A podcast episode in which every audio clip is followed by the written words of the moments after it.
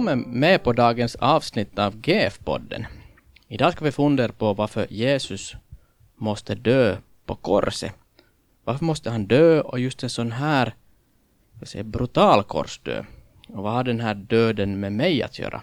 Det här ska vi fundera på mer idag, inför påsken. Det här är alltså GF-podden, en Radio LFFs podcast som riktar sig till ungdomar och unga vuxna. Namnet GF är förstås en förkortning av Guds frid. Och dagens tema så tycker jag eh, faller bra med det här namnet på vår podd. Guds frid är ju någonting vi får i, i Jesus Kristus. Vi får ju uppmuntra er lyssnare att sända in frågor och kommentarer och feedback och, och det här har vi fått. Och det tackar vi för. Eh, de här två senaste avsnitten så gjorde vi ju utgående från lyssnares förslag. Och efter det här, vår podd med Dana Fagerholm så fick vi in ett mejl. Jag ska läsa upp det här mejlet, mejlet som vi fick. Den här personen skriver så här. Tack för det ni gör. Så viktigt ämne det där med förlåtelse. Jag kan berätta att jag har förlåtit min pappa långt efter att han dog. Jag gjorde det först för min egen skull men senare också från hjärtat kunde jag förlåta honom trots att han inte fanns mer. Det var så bra då ni berättade att det föder goda tankar om den man förlåter. Får bara konstatera att exakt så har det blivit sedan jag från hjärtat förlät pappa. Tack för en viktig podd.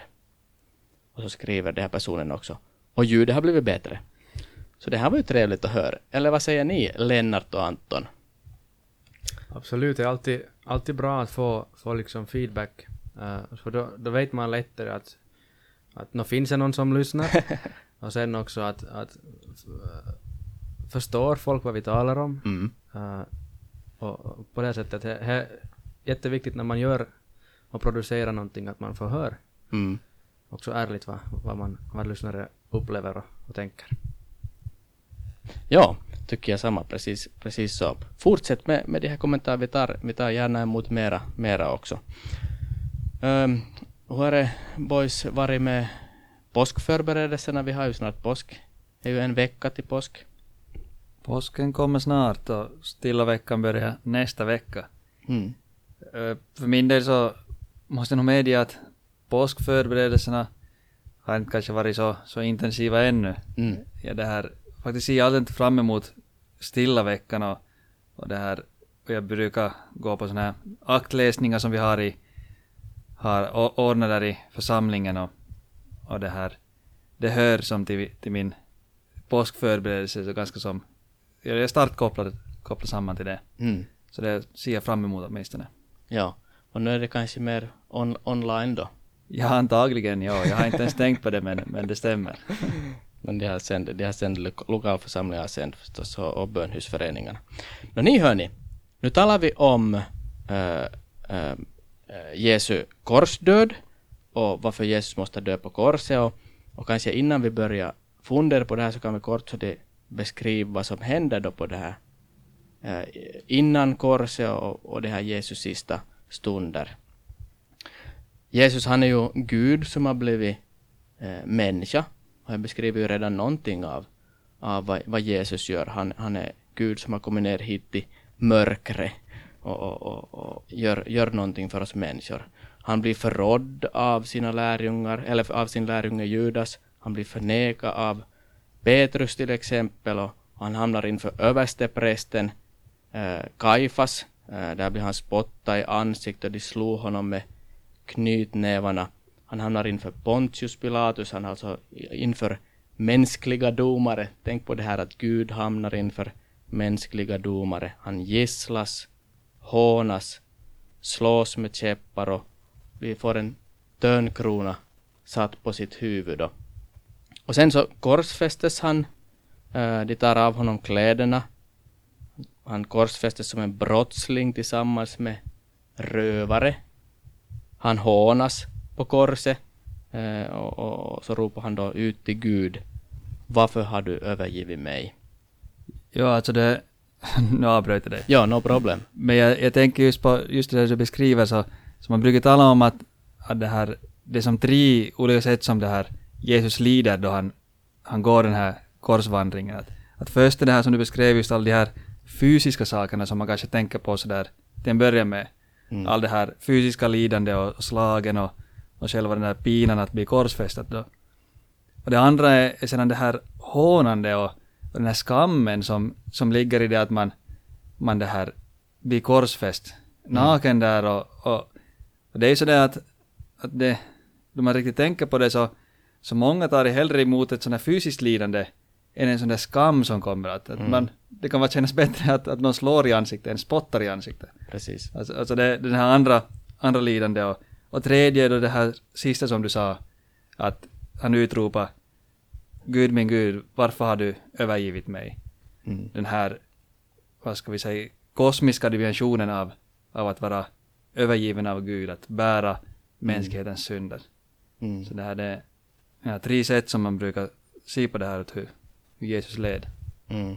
Så ganska sån där, vad ska vi säga, ja, dramatisk en sån beskrivning av, av en, en verk, verklighet som, som Jesus uh, levde, uh, levde här. Men, men om vi funderar då, hur har det här tagits emot då, kanske i, första, i det här första århundraden? Om vi börjar, börjar där, hur, hur, hur togs det här emot av, av samtidens människor?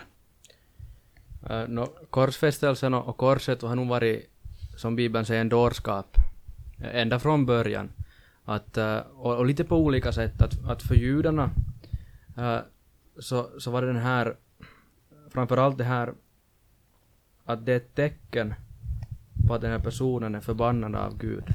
Och där så hämtar man från femte Moseboken att förbannad är var och en som blir upphängd på trä. Mm. Uh, så för judar så var det det som den här stora dårskapen och, och liksom förnedringen. Att, att, att en person är liksom övergiven och totalt övergiven av Gud. Sen för romare eller, och greker så för dem är det också förstås det här som du beskriver att det, det, det är skamligt att naken blir avrättad inför alla, Mm. upphöjd eh, och, och liksom visat, offent, visat offentligt som en brottsling.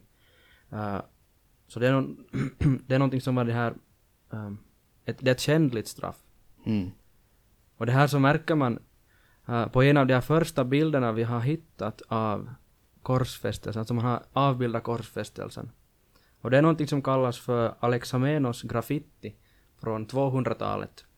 Det är en bild i Rom som är inristad på, på en stenvägg där det är en man då som heter Alexamenos som eh, står framför ett kors. Och på det här korset så finns en, ja, en man som, som har en, ett åsnehuvud. Alltså en man som är korsfäst med ett åsnehuvud. Och då, då står det där vid den här bilden, Alexamenos tillber sin gud. Mm. Eh, och det här antar då eh, forskare idag att, att det är liksom en så här um, hånande bild som man har gjort uh, om de kristna. Mm. Eh, att, att de tillber en åsna. De tillber någon som liksom var förbannad, som har blivit liksom utlämnad eh, på korset. Det, det, det är de kristnas gud. Mm. Det är ganska intressant också då man, då man följer som, det där var ju som en, där hånar man det här, den kristna guden, eller kristna tron.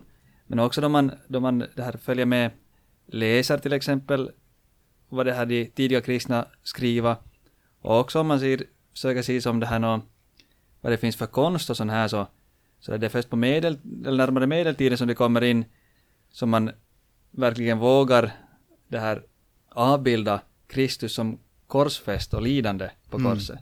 Att det riktigt det första, det här bilden eller, eller det här skul, skulpturerna av, av det här korsfästelsen så, så där så, så har inte man Kristus på korset som lidande utan, utan man har istället avbildat honom som, som ganska välmående och, och man skulle säga atletisk och, och så här för det, för det tog emot att se sin Gud på korset. Efter det var som en, en så stor skam det här med, det här med korset. Mm. Precis, ja. Det här är intressant, för jag tänker att också idag finns ju de här beskrivningarna eh, liksom på kristna krucifix ibland. Man kan se en Jesus med välsignande händer som utsträckta. Inte liksom fastspikar utan han håller utsträckt sina händer och välsignar den som ser på det här Okej. krucifixet. Ja. vet inte om ni har sett det, men jag har sett det flera gånger alltså så här. Mm. så, som vill då predika för den som, den som ser på det här att, att uh, det händer någonting mer där på korset än, mm. än en vanlig människa som blir, mm. uh, blir avrättad. Precis. Så vi, så vi ser, ser alltså att det här, för det här, vi ser det här, åtminstone det här tidigt kristna så, så fanns det en sån där, det är skam som man försöker liksom över, överkomma. Det här kanske man ser också i, i första Korintierbrevet, första kapitlen där man, där man Paulus talar om, om dårskap och, och Guds vishet. Och, och det här ska vi säkert återkomma till. Men, men det finns också de som menar att de här första kyrkofäderna liksom betonar hela tiden att korset är min att jag, de betonar att jag, jag skäms inte för korset, jag, jag har min stolthet i, i, i Kristus som korsfäst. Betyder, försöker säkert liksom försvara sig mot någon, någon sådan tanke då om, om det här korset som en skam. Sen, sen finns ju ännu en sådan, eh, jag minns när vi planerade det här tidigare att idag så talar man lite om sån där cosmic child abuse eller man talar om kosmisk barnmisshandel och en sån där, kanske, kanske mer en modern tanke på att, på att det här Gud eh, liksom misshandlar sin egen son och det är förstås en konstig, konstig bild också som vi får, får av Gud. En Gud som är brutal Gud som, som gör sådär åt sin son. Och just det här också att man, att man, man frågar sig att hur, hur kan det ha någon betydelse det som någon annan liksom har gjort på ett kors för mig? Mm. Att hur, hur kan uh, Kristi död på korset uh, ha någon betydelse för mitt liv? Mm. Det, det, är en invändning som man får höra ibland uh, idag och som fanns också redan tidigt tidigt, eh, ganska snart efter korsfästelsen. Precis. Ja. Så viktig, fråga, viktig frågorna. Och här kanske första frågan som jag skulle vilja nu liksom kanske berör, att varför måste då uh, försoningen ske på det här sättet? Alltså kunde inte Gud då göra på något annat sätt? Så varför behöver det ske så det är brutalt? Nå, ett svar är ju, som vi kan egentligen ställa oss är ju i frågan att det här är det vår sak att bedöma Guds agerande. Mm. det är ju en sak jag kommer att tänka på, alltså. Det här är det sättet som Gud har uppenbarat för oss. det här är på det sättet som det här är det som ingår i, i frälsningshistorien. Mm. Och det är ett sätt som man har valt att agera. Så det, det kanske man skulle jag kanske ha som på ett sätt i, i bakgrunden, att då vi talar om att varför Gud gör som han gör. Mm. Så då, jag tänker lite som jobb, ja, som precis. det här, som får, blir ganska tillrättavisa av Gud. Precis. Säger att var var du då jag skapade mm. jorden och så, så vidare. Ja, så vi har inte, vi, man kan säga, vi har inte perspektiv liksom att uttala oss om, om Guds planer på det sättet. Ja. Precis, men då finns det också det här, kommer jag att tänka på som an, andra sak från Romarbrevet 3, så skulle jag kunna läsa några verser åt er från vers 20, från vers 23. Alla har syndat och saknar härligheten från Gud, och det står som rättfärdiga utan att ha förtjänat det av hans nåd därför att Kristus Jesus har friköpt dem. Honom har Gud genom hans blod ställt fram som en nådastol att tas emot genom tro. Så ville han visa sin rättfärdighet eftersom han hade lämnat ostraffade de synder som förut hade blivit begångna under tiden för Guds tålamod. I den tid som nu är ville han visa sin rättfärdighet, att han själv är rättfärdig när han förklarar den rättfärdig som tror på Jesus. Alltså det här att han ville visa sin rättfärdighet. Att det ligger i det att, att en rättfärdig Gud måste bestraffa den ondskan som finns här i världen. Mm. Att han inte skulle vara, Gud skulle inte vara en rättfärdig domare ifall han inte skulle, skulle straffa synden och den ondska som vi människor ofta som, som gör. Ja, och det som man kan, då tillägga här i, i samma ögonblick är det som, som, jag tror det är Paulus som skriver på ett annat ställe att Gud bevisade sin kärlek till oss medan vi ännu var syndare. Att samtidigt som han, som han äh, genom Jesu död på korset äh, liksom straffar och är rättfärdig genom att synden och ondskan får liksom sitt rätta straff, mm. så visar det här korset också på, på Guds nåd och Guds kärlek till oss människor. Det här straffet lä läggs inte på oss, vi som förtjänar det, utan det, läggs, det tas bort från oss. och Mm. läggs, läggs på Jesus. Och det här kan man igen knyta tillbaks till det här som jag sa om att i, i Gamla Testamentet så är den förbannad som blir upphängd på trä. Och där skriver Paulus i Galaterbrevet 3 att, att Kristus blev en förbannelse i vårt, i vårt ställe. Genom att Mm. han blev upphängd på, på korsets trä. Så det här, det här korset äh, visar som sagt då på Guds rättfärdighet men också på Guds nåd. Mm. Ja, det är som att det, det är den här punkten i, i historien där Guds helighet och Guds kärlek som, som det här sammanfogas. Att Mm. där är Gud domaren som, som ger domen över, över all synd, all ondska. Han låter inte gå ostraffat att, vi, att folk lider här, att det, det händer som onda saker. Utan där döms ondskan. Men på samma gång, just som du tog fint upp så, så där är ju som det yttersta beviset på hans kärlek. Mm. Att han låt inte, låt inte det här domen falla över de som egentligen skulle ha förtjänat det. Utan han tog det på sig själv. Han bar den här domen och straffet. Precis så kan, kan man säga så det att det här kan man säga, inställningen, hur, man ska liksom säga det här när man, när man kommer till skriften och ser det här, eh, hur, hur det beskrivs liksom hur Gud har, har frälst världen genom Jesus Kristus, så är ganska avgörande. Alltså, om vi läser från första Korintierbrevet eh, kapitel 1, verserna 18 lite framåt. Ordet om korset är en dårskap för dem som går förlorade, men för oss som blir frälsta är det en Guds kraft. Det står ju skrivet, jag ska göra slut på det visas visdom och förkasta det förståndigas förstånd. Var är de visa? Var är de skriftlärda? Var är den här världens debattörer? Har inte Gud gjort den här världens vis visdom till dårskap? När världen inte genom sin visdom lärde känna Gud i hans vishet beslöt Gud att genom den dårskap vi förkunna frälsa dem som tror. Tänk att tron ser ju saken i ett helt annat ljus. Att jag tycker det här är så fint att orden korset är en dårskap för dem som går förlorade. Det kan fint vara kanske fel ord här men, men alltså jag beskriver det här dramatisk skildring att, att utgångsläget, hur vi ser på dem så, så, så, är, så, är, så är ganska avgörande. Att ser vi på dem i tro, ja då ser vi en rättvis Gud och en, och en kärleksfull Gud, en helig Gud som gör upp med, med ondska. Men står vi inte i tro och skådar på, se, ser på det här, ja, då, då, då blir det ganska förvrängd bild av, av hela den här skriftens vittne. Jag kommer att nu tänka bara på att, att går det någonsin att förstå korset utan tro? Mm. Att, att, eh, om, om det är så här, så här som du säger och som, som jag tror att det är sant eftersom det står i Bibeln. Om, om det är så, så, så är det ju omöjligt att förstå Jesu död på korset utan Mm. tro. Mm. Det, det, det förblir för evigt. Eh, För den som inte, för den som inte tror så, så blir det ett, liksom en gåta som är omöjligt att förstå. Mm. Det säger, det säger jag am, amen till, ja. ja. Och det är intressant förstås att det här budskapet om Kristus som korsfäst är också det som föder tro. föder tro på, på Kristus.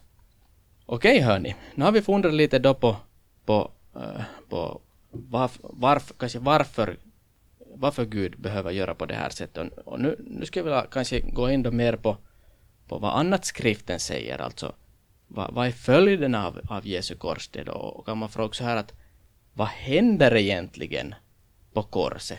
Vad skriver eh, apostlarna i, i, i Nya Testamentet? Ja, egentligen skriften är ju full med egentligen olika beskrivningar av vad egentligen sker där. Mm. Det, det kan som beskrivas med att, att det, det var en offerdöd, det var en återlösning, det var en försoning, det var en seger och så vidare. Så det, det beskrivs med, med olika, olika bilder. Eh, till exempel i, i Johannes 8 så står, står det här, eller säger Jesus så här. Amen, amen säger jag er, var och en som gör synd är syndens slav. Slaven bor inte kvar i huset för alltid, men sonen stannar där för alltid. Om nu sonen gör er fria, blir ni verkligen fria. Alltså en, en sak som, som det här korsdöden innebär är att vi blir fria från det här syndens slaveri. Gud befriar oss från det här slaveriet som vi, som vi alla lever i. Mm. Och också från det här, det här uh, befrielsen som det här svenska ordet frälsa kommer. Att det, det har ju sin bakgrund från, från ordet frihalsa. Att man blir liksom befriad från sin, som från sitt slavhalsband, uh, som slavar bar under antiken. Uh, så den som blir då frihalsad eller frälst eller räddad blir, Mm. blir då be- befriad. Uh, och sen, det som jag tycker är så intressant med de här olika sätten att beskriva korsfästelsen som du Anton lyfte upp är att det, det går aldrig att, att säga att det är det här som korset betyder. Eller att det är det här som korset betyder. Det, det, korset är allting samtidigt och inte ens, inte ens Bibelns författare äh, klarar av att hålla dem skilda. Mm. Utan, utan det kommer som tillbaks och blandas ihop äh, gång på gång. Till exempel här i, i, i första Korintierbrevet, äh, nej förlåt, i Kolosserbrevet 1, vers 13, där som så blandar Paulus äh, åtminstone så hittar jag tre olika sätt vad korset betyder. Mm. Han har frälst oss från mörkrets välde och fört oss in i sin älskade sons rike.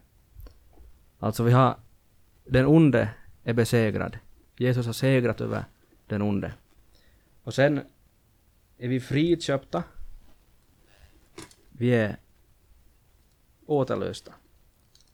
Och i honom, vi är friköpta och har fått förlåtelse för våra synder. Och där så kommer då den här försoningen eh, med Gud in i bilden. Och det här så, jag tycker det är så fantastiskt hur det är i Bibeln då, eh, är alla de här di- dimensionerna av korset. Att, eh, och jag tror att det, det här är någonting som vi, som vi får som kristna liksom uh, tugga på Mm. om och om igen i hela Mm. vårt liv. Att, att vilken betydelse har det här för oss? Och kanske också i olika livssituationer kan, det ha, kan vissa av de här betydelserna bli mer viktiga eller starka. Om vi Mm. till exempel märker att vi har fallit i någon synd, så kan, så kan vi, när vi sen vänder om och får ta emot förlåtelse för det här, så kan vi kanske uppleva väldigt starkt att vi blir befriade från den här synden. Mm. Uh, men i, i, sen så, så kan vi någon annan gång uh, ha något annat som, som gör att, att den här Guds förlåtelse och försoningen med Gud blir viktigare. Mm. Mm. Så det, det, det är en rik bild som Bibeln, Bibeln ger av, av Jesu död på korset. Mm. Absolut, jag tänker på, tänker jag också på, på det här, på första Moseboken och, och det här hur, hur mycket som, hur rik första Moseboken är och, och, och hur mycket det, som lägger, lägger egentligen, det starten för hela frälsningshistorien och, och här hittar vi som så, så djupa saker som är genomgående i hela, hela det här Bibeln sedan. Till exempel om man tar syndafallets följder där så, så det här i, efter syndafallet så, så det här går, går då Adam och Eva och gömmer sig för Gud.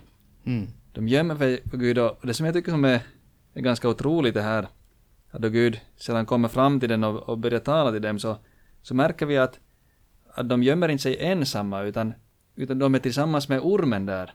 För ormen, Adam och Eva blir, de blir alla som, som det här tillrättavisade av Gud på samma ställe där. Så, så det här, det som har hänt där är att, att Adam och Eva, de har, de har vänt Gud ryggen, de har gömt sig och de har inte gömt sig ensamma utan de har gömt sig tillsammans med, med djävulen. Mm. De har som, man kan säga att de har bytt sida. De har blivit fiender till Gud. De har som, de, de, de är vänner med, med, med ormen där i det stället. Men, men Gud han, han låter inte som bli så. Utan då, då kommer det här, vad heter det, vad vi brukar kalla protoevangeliet i, i det här femtonde verset i, i tredje kapiteln då, då han säger att jag ska sätta fiendeskap mellan dig och kvinnan, mellan din avkomma och hennes avkomma. Han ska krossa ditt huvud och du ska hugga honom i hälen. Så Gud startar här som ett, ett krig mellan, Mm. mellan djävulen och, och oss människor. För att det här, för det ska inte vara så att vi ska vara i fred med, med ormen och gömma oss med honom. Mm. Utan ormen och Gud är alltid, de är på, de är på olika sidor. Och, och Gud vill att vi ska tillhöra honom. Ja. Och, och, det här, och det är det som sker där på korset. Ormens huvud blir, blir söndertrampat. Ondskans makt blir övervunnen och, och vi är inte längre Guds fiender utan hans vänner som det står. Ja. Jag skulle ännu vilja lyfta fram det här, det här offertanken. Mm. Uh, för att uh, jag, vet, jag vet ju själv hur, hur det är när man läser Gamla Testamentet och de här offren och lagarna om offren att, och, och liksom man börjar fundera att vad, vad har det här med mig att göra? Uh, och, och liksom vad betyder de här offren? och, och där så har jag, har jag fått liksom en bra jag tänker att det finns en bra bibelkommentar till, till Gamla Testamentet i Nya Testamentet och det är Hebreerbrevet. ja. som förklarar de här offren uh, på ett ganska på ett det här fint sätt. Hur de här offren i Gamla Testamentet, de här uh, djuren som bars fram i templet uh, som offer, hur de är skuggbilder av, av Jesus Kristus. Mm. Uh, och i, i Hebreerbrevet, egentligen hela brevet, så talas det om det här hur Jesus är den här fullkomliga översteprästen som själv går in, inte i, inte i templet i Jerusalem, utan i det himmelska templet, eller det himmelska tabernaklet. Och där så går han fram, inte med bockars eller kalvars blod, utan med sitt eget blod. Och vinner en evig återlösning. Mm. Och det här så har för mig nog förklarat det här gamla testamentet uh, ganska, alltså det är som en nyckel som har öppnat upp helt att, att vad handlar det här gamla testamentets offer om? Och det handlar om Jesus. Ja. Det, det liksom, det är så här ett vittnesbörd som, som pekar framåt som mot Jesus och som kanske inte uh, riktigt gick att förstå innan Jesus dog på korset. Mm. Där blir det liksom, där blir det klart eh, vad det handlar om. Det handlar om Jesus. Precis. Ja, jag kom till att tänka på det här när du just nämnde det här att han, han tar sin egen, med sin egen kropp så, så bringar han försoning och jag tänker på Luthers förklaring till andra trosartikeln i, i Lilla katekesen. Han har återlöst, förvärvat och vunnit mig, alltså Jesus Kristus, eh, förlorade och fördömda människa ifrån alla synder, ifrån döden och djävulens våld, inte med guld eller silver, utan med sitt heliga och dyra blod och med sin oskyldiga pina eh, och död. Han har gjort allt detta för att jag ska tillhöra honom, leva under honom i hans rike och tjäna honom i evig rättfärdighet och så vidare. Så här förklarar ju liksom Luther det här samma, det här samma saken. Det är inte med, är inte med guld eller silver, utan det är med, sitt egen, med sin egen kropp, sitt eget dyra blod. Och där kommer vi egentligen till det där allra viktigaste, att vi kan ju tala om vad, vad som hände här, vad som Bibeln säger, men det viktiga är ju att, att Gud gjorde för dig. Mm. Att Jesus han, han dog på korset för din skull. Mm. Det var dina synder som han bar, för det var det, var det straffet som du förtjänar, så, så det här tog han på sig. Mm. Och det var därför han gjorde, för att han älskar dig. Han älskar just dig med alla dina svagheter, med alla dina brister och, och fel. Därför dog Jesus på korset. Mm. Det här tyckte jag var en sån fin, fin avslutning på det här att vi Jesus Kristus dog inte bara teoretiskt utan han dog för, för dig och mig, Eh, för våra synders skull. Vi har idag alltså funderat lite på Jesu korsdöd, varför måste Jesus dö på korset? Eh, vi konstaterat att Gud har i sin vishet gjort upp sin frälsningsplan på det här sättet. Han har sänt sin son Jesus Kristus för att dö för våra synders skull. I tro så får vi ta emot det här vi ser på Kristus, inte bara som en människa som dör på korset, utan är Guds son som dör för mina synder. Han är världens frälsare. Och han dör för mina synder, som Anton sa här. Uh, till sist har vi någon utmaning eller fråga som vi vill rikta lyssnarna. Jag tänker som att det är ju som sagt stilla veckan nästa vecka. Och för att förbereda oss allihopa, och det här tänkte jag att vi kan själva också ta som en utmaning att, Mm. att det här, nu under stilla veckan så, så ska vi ta tid och, och gå igenom vad de här olika evangelisterna skriver om det här stilla veckans händelser. Och helt enkelt läsa igenom de här fyra de här berättelserna om vad som hände Jesus under det, hans sista dagar här på jorden. Mm. Det här är ju en gammal tradition att man vandrar tillsammans med Jesus fram till, till korset. Och, och jag, jag kan ännu göra lite reklam att om man inte, om man inte tycker om att läsa så mycket så, så sänder Radio LFF de här olika akterna som det heter Eh, nu under stilla veckan klockan sex på kvällen. Och där, där det är ett bra och enkelt sätt att följa med Jesus på de här sista, uh, under de här sista dagarna och sista timmarna fram till, fram till döden på korset. Fint, tack ska ni ha boys för det här. Eh, fin, fin utmaning. Det här ska jag försöka också äh, fullgöra i, i, i min egen vardag. Ännu en sak, nästa, nästa avsnitt så kommer redan femte i fjärde på annandag påsk. Då kommer vi att behandla uppståndelsen. Och det är ju bra för vi vet ju att korset, korset är inte slutet på historien utan det kommer också uppståndelse. Upp, Jesu uppståndelse efter det här och vi säger då tack för idag och, och vi hörs nästa avsnitt.